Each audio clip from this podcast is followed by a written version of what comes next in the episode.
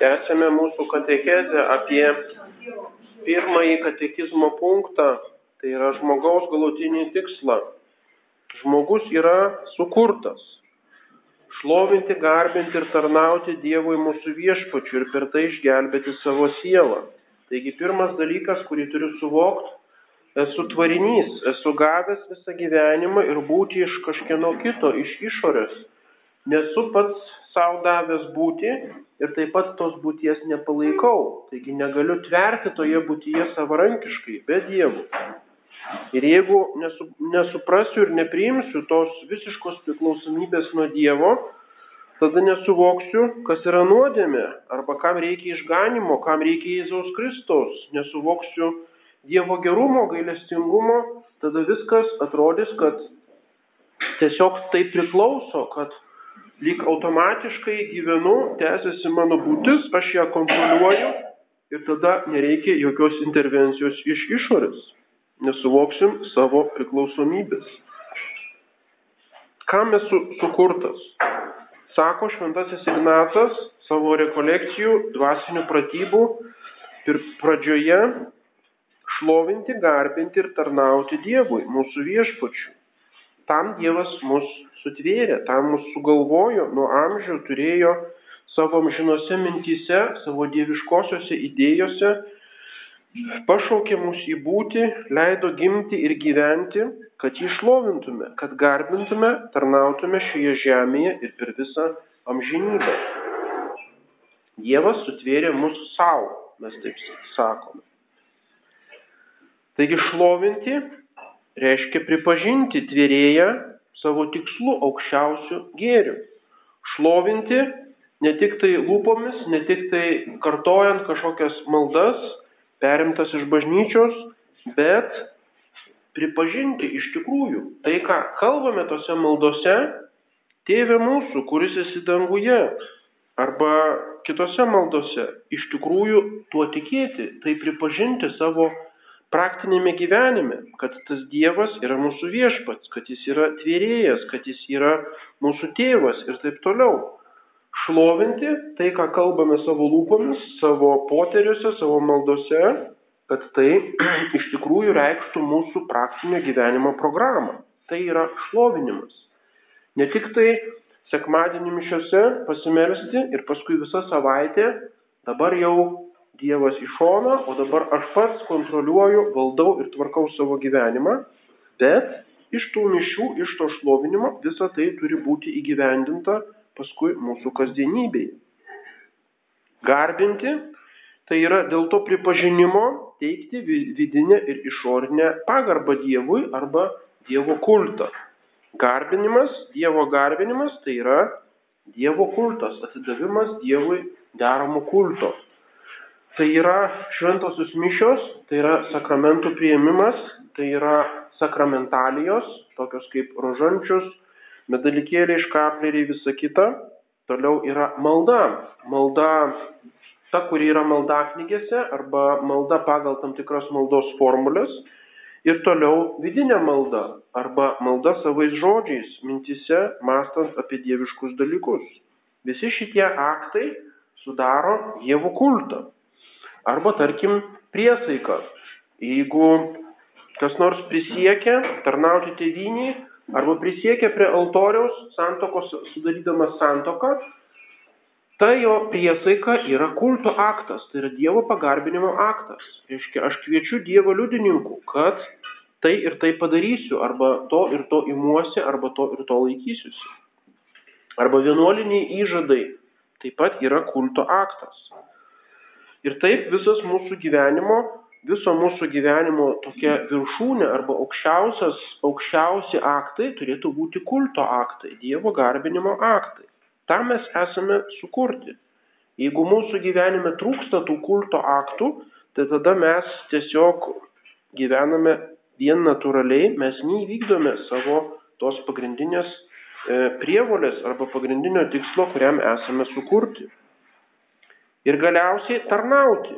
Tai yra tą kultą pratesti savo kasdieniuose darbuose, viską darant pagal Dievo valią. Arba kaip sako šventasis Ignacas, atmajoriam dei glorijam, didesniai Dievo garbiai. Tarnavimas tai yra Dievo valios vykdymas. Kas myli, tas vykdo mano tėvo valią. Nuolat pabrėžia Jėzus Kristus Evangelijoje. Mylėti Dievą tai ne kažkokie jausmai ar jausmų proveržiai kartais, bet vykdyti Dievo valią. Nuolat savo valią pajungti Dievo valiai. Savo norus, savo planus, savo intencijas pajungti tam, ko nori Dievas. Nuolat klausti, kokia yra ta Dievo valia. Čia ir dabar, mano tose veiksmuose. Ar tai atitinka Dievo valią, ar tai yra grinai mano valia. O jeigu tai yra grinai mano valia, tuomet tai jau yra savivalė. Reiškia, aš savivaliauju, aš leidžiu savo valiai to, kas netitinka objektyvios tvarkos. Taigi matome tokią logišką seką šlovinti, tai yra pripažinti savo aukščiausių tikslų ir gėrių, garbinti, tai iš to pripažinimo, iš to šlovinimo kylantis pagrindinis veiksmas, kultas, o tarnauti Tai yra to kulto pratesimas kasdieniniuose darbuose, vykdant Dievo valią. Matom tą hierarchiją. Pirmiausia, esam sukurti, kad šlovintume Dievą, ne tam, kad dirbtume savo kasdieninius darbus, paskui, kad jį garbintume ir galiausiai tik tai, kad jam tarnautume. Tai yra mūsų tikslas. Ir per tai išgelbėti savo sielą. Taigi nesu sukurtas vien tam, kad šitame gyvenime pašlovinčiau Dievą, jam patarnaučiau kurį laiką ir po to išnykčiau, bet kad išgelbėčiau savo sielą, toks yra posakis, žinoma, jis nėra visai tikslus, aš ne pats išgelbėčiau savo sielą, bet aš turiu netrukdyti ir padėti, kad Dievas mano sielą išgelbėtų. Tai yra bendradarbiauti su savo išganimo darbu. Ir ką reiškia sielos išgelbėjimas? Tai reiškia jos perėjimas, e, pervedimas į amžiną gyvenimą, į tokį gyvenimą, kuris nesibaigs ir kur jau pagundos ir nuodėmės nebegrės. Taigi tas garbinimas ir šlovinimas turi tęstis per amžius. Ir ta amžinybė su Dievu yra mano amžinasis tikslas. Ir pirmųjų amžių bažnyčios rašytojas Tertulijonas taip ir sako, mes esame būtybės amžinybei. Toks, toks yra žmogaus apibrėžimas. Žmogus yra sutvertas su nemirtinga siela, vadinasi, jau jis Dievo planuose, Dievo mintise nuo pat pradžių yra būtybė amžinybei. Būtybė, kuris skirta amžinam gyvenimui, ne tik tai šitam gyvenimui. Kartą vieno prezidento pasiuntinys siūlė popiežiui Leonui XIII tam tikrą politinį planą, kuris nebuvo suderinamas su bažnyčios mokymu, nesuderinamas su tikėjimu. Ir tada popiežius sakė tam pasiuntiniui, perduokite prezidentui, jeigu turėčiau dvi sielas, tada jūsų planą priimčiau.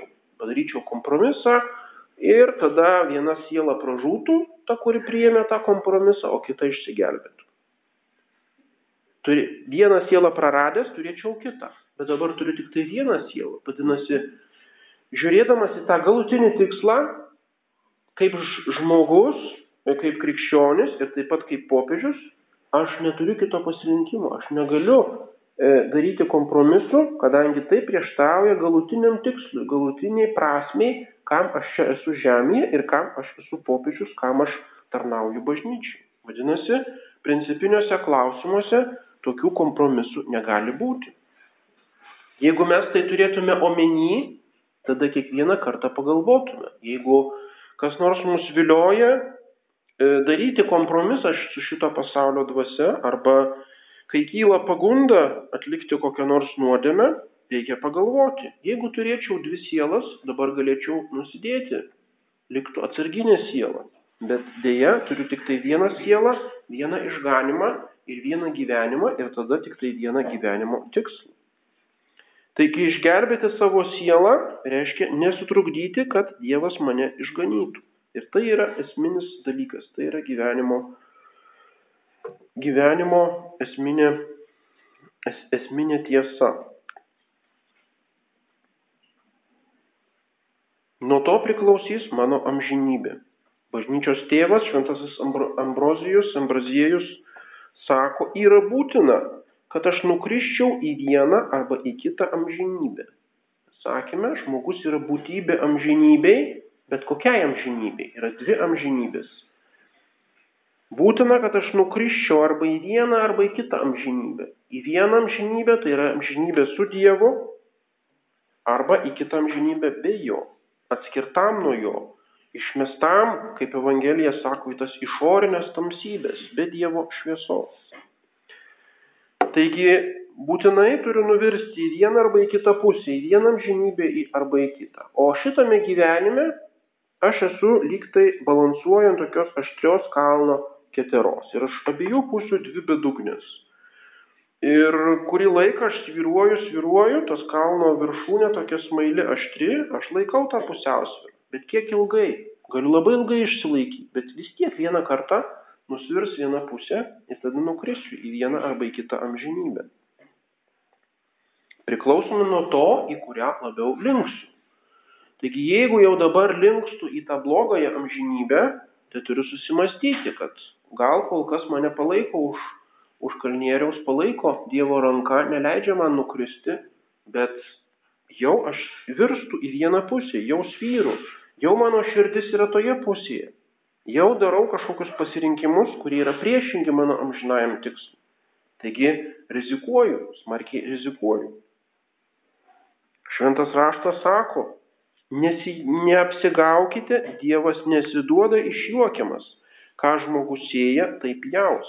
Kas sėja savo kūnui, tas iš kūno pjaus pražūtį, o kas sėja dvasiai, tas iš dvasios pjaus amžinai gyvenimą. Kūnas ir dvasia. Čia yra iš Švento Pauliaus laiško Galatams. Būtent, būtent, būtinai pabrėžia Paštas Paulius nulatos pabrėžia tą skirtumą kūnas ir dvasia. Kūnas ir dvasia. Nereiškia kūnas kaip tas mūsų materialus kūnas, bet tai reiškia netvarkingi kūno polinkiai, netvarkingi kūno geismai. Ir štai kas sieja savo kūnui, kas nuolat rūpinasi tik tai savo kūnu ir viską investuoja į savo kūną, visas jėgos atiduoda, tas iš to kūno pjaus pražūtį. O kas sieja dvasiai, tas iš dvasios pjaus amžinai gyvenimą kaip tokį derlių ir būtent pelnys tą amžinybę. Kuo didesnis gėris arba kuo didesnė vertybė, tuo didesnė laimė jį pasiekti ir tuo didesnė tragedija jo netekti. Ir taip sako iš pats Jėzus, kokiagi žmogui nauda, jeigu jis laimėtų visą pasaulį, o pakenktų savo sielai. Arba kuo žmogus galėtų išsipirkti savo sielą. Kokia kaina būtų pakankama, kad išpirkti savo sielą iš pražūties. Kas iš to, jeigu laimėčiau visą pasaulį? Kas iš to, jeigu laimėčiau visą tai, ko trokšta šito pasaulio žmonės, bet pakenkčiau savo sielą? Nebūtų jokios naudos. Tai yra didžiausias gėris, tai yra didžiausias, didžiausias lobis ir didžiausia vertybė. Ir yra ne šiaip savo tragedija, o absoliuti, visiška mano būties kaip tikslo, kaip prasmės netekimas, jeigu aš tos amžinybės su Dievu nepasieksiu. Galutinis žmogaus tikslas gali būti tik tai Dievas, nes vien jis yra tas gėris, kuris gali visiškai patenkinti žmogų. Dievas yra aukščiausia tiesa, kuri gali pasotinti tiesos alkstantį žmogaus protą. Tai yra Dieve ir Dievo apreikštose tiesose randame aukščiausias tiesas, aukščiausią patenkinimą savo proto siekiams. Taip pat jis yra didžiausias gėris, galintis visiškai nuraminti žmogaus valią ir širdį. Jis yra tai, ko, ką praktiškai randame savo valia ir savo širdimi. Jis yra amžinas, tad nereikia rūpintis ar bijoti kada nors jo netekti. Jis pasiekiamas visiems žmonėms, nes visi yra jo kūriniai ir vaikai ir kiekvienam jis yra kuo teisingiausias ir duoda visas išganimui būtinas malonės ir rodo savo gailestingumą. Šventajame rašte sakome, Dievas nėra šališkas. Dievas absoliučiai teisingai kiekvienam paskirsto tas malonės, kurios būtinos, kad jis pasiektų amžinai savo amžinai išganimą.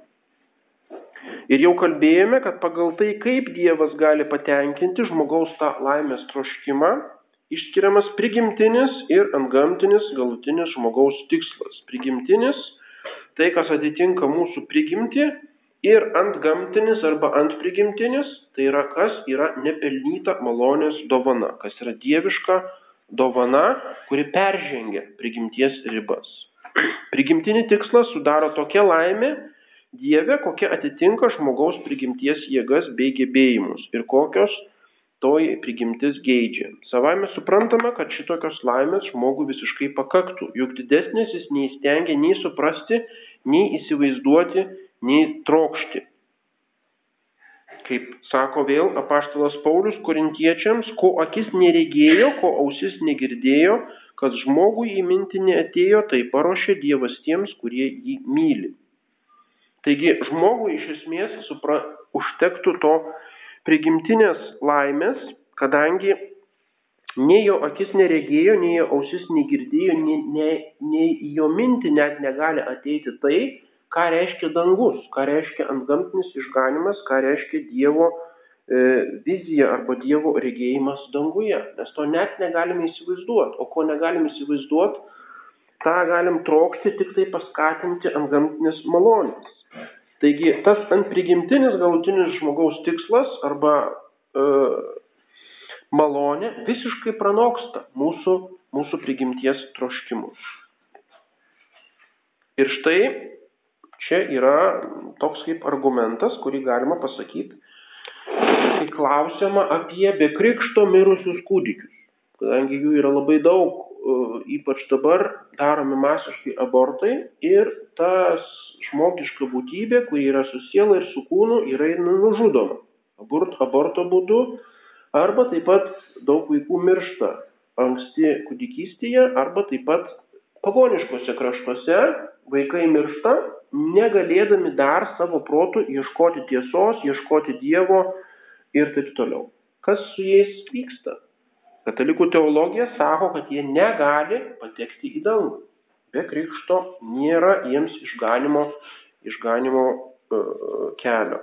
Tai reiškia, jie nepateks į dangų, jie neregės Dievo tie kūdikiai. Bet jie nejaus dėl to kančios. Tarkim, sielos vėlės pragare, jos neregi Dievo ir tas Dievo neregėjimas joms yra pagrindinis kančios šaltinis. Jos be galo kenčia, tai yra dvasinė kančia arba tas kirminas, kuris ėda sielą pragare. Tačiau taip yra dėl to, kad tos sielos galėjo pelnyti Dievo regėjimą, Dievo išganimą ir to nepadarė. Ir jas graužia tas sąžinės kirminas ir tas ne, Dievo neregėjimas joms sukelia didžiulę kančią. Tarkim dabar šitame gyvenime mes taip pat Dievo neregim, mes nematom Dievo, bet dėl to mes nesikankinam. Dėl to kankinasi tik tai šventieji, kurie yra paragavę to Dievo regėjimo, tie mystikai. Tai jiems visas likęs gyvenimas už tų regėjimų jiems yra didžiausia kančia. Jie dėl to kankinasi, vos ne kaip pragarė. Jie trokšta to, to Dievo regėjimo. Mes, kadangi esame apsileidę dvasiniam gyvenime, kadangi nepasiekę tokios mistinio gyvenimo e, pakopos, mes gana abejingai, mes nesikankinam savo gyvenam. Dėl to, kad mes dar nesuvokiam, kas tai yra Dievas. Ir štai tos sielos pragare, kurios nepasieks to savo amžinojo tikslo, tai bus joms pati didžiausia kančia ir jos kenties per amžius. Tačiau mažas kūdikėlis, jisai nieko nenusidėjo ir jisai ne, negavo tos išganimo malonės, negavo krikšte, todėl jis nejaus dėl to kančios, kad Dievo nereikia. Nejaus tos kančios, o kaip tik turės tokį natūralią palaimą. Tai yra jo siela gyvens amžinai tokioje būsenoje ar tokioje vietoje, kurią teologai vadina limbus puerorum arba kūdikių limbas. Tokia vieta, galima sakyti, limbus reiškia pakraštys. Pakraš, pakraštyje, dangaus pakraštyje. Jos nieko nenusidėjo, todėl joms nereikia skaistyklos, jos nepateks į pragarą, kadangi jos nepadarė jokių nuodėmių, tačiau nėra, žmogus neturi jokios teisės į dangų. Nėra taip, kad žmogus turėtų teisę ir, reiškia, e, kažkokią pretenziją būti paimtas į dangų. Jos turės tą būtent prigimtinį tikslą pasieks. Prigimtinį tikslą pasieks ir tai bus jų natūrali tokia palaimos būsena tų kūdikių sielų. Tačiau tai yra niekis palyginus su antgamtinė laimė, su dangumi. Tai yra tokia laimė, kuri absoliučiai pranoksta tą natūralią laimę. Dievas anaip tol ne prigimtiniai laimiai paskyrė žmogų savo neapsakomų gerumu ir meilė, jis jam nustatė daug aukštesnį, visą jo prigimtį viršijantį ant prigimtinį tikslą. Tačiau tai nereiškia, būtent tai yra labai svarbus punktas, nes iš to, kad žmogui skirtas ant prigimtinis tikslas, modernistai, teologai, Deliubach, Kongar, kiti išveda, kad jeigu Dievas paskyrė žmogui ant prigimtinį tikslą dangų, tai reiškia, žmogus turi tam tikrą teisę į tą tikslą. Jeigu aš esu jau taip sukonstruotas, taip sukurtas, kad paskirtas visa savo esmė skirtas Dievui garbinti, šlovinti per visą amžinybę, tai reiškia, aš turiu tam tikrą teisę į tą dangų. Reiškia, yra tam tikras e, toks automatinis planas, kad aš turiu lyg natūraliu būdu nueiti į tą dangų. Ir tada visiškai nesuvokiama, kad tas dangus yra dovana, yra visiškai nepelnyta Dievo malonės dovana. Ir Dievas visiškai nėra įpareigotas visoms sieloms tą dovaną suteikti. Ir todėl kai kurių nusidėlių Dievas netverčia. Negauna jie pakankamai tos malonės, kad jie gauna pakankamai malonės, bet negauna malonės galutinio atsivertimo. Ir todėl tos sielos pražūsta. Ir todėl ne visiems kūdikiams e, būtent pasiekiama yra ta krikšto malonė prieš mirtį. Ir todėl kai kūdikiai, kai kurių kūdikių vėlės lieka tame kūdikių limbe. Dievas nėra įpareigotas visų sielų išganyti. Išganimas yra dovana. Tai yra lyg aš dabar paprastas žmogus prieitų kas, kas nors gatvį ir duotų man milijoną. Arba skirtų mane prezidentu. Arba E, suteiktų man kažkokią didžiulę privilegiją. Aš visiškai net įsivaizduoti tokio dalyko negaliu.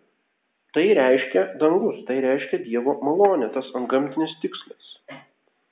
Savo prigimtimi žmogus yra tik Dievo tarnas, visai nevertas regėti patį Dievą ir dalyvauti jo laimėje. Bet Dievas paskyrė į savo įsonių, savo šeimos narius, savo prigimties ir laimės dalininkų. Jūs jau nebesate ateiviai nesvietimi, bet šventųjų bendrapiliečiai ir Dievo namiškiai, sako šventasis Paulius. Šventųjų bendrapiliečiai. Tai yra ta šventųjų bendryje, dangus kaip toks miestas ir to miesto gyventojai yra piliečiai, šventieji ir dabar mums suteikiama dangaus pilietybė. Mes gauname tą pasą, pilietybės dokumentą, asmens liudijimą tame danguje. Esame kartu piliečiai toje dangaus karalystėje ir Dievo namiškiai esame. Tai yra visiškai pranoksta mūsų įsivaizdavimą. Tai yra mūsų aukščiausias tikslas ir tai yra Dievo gerumo ir meilės dovana. Apie tai kitą kartą.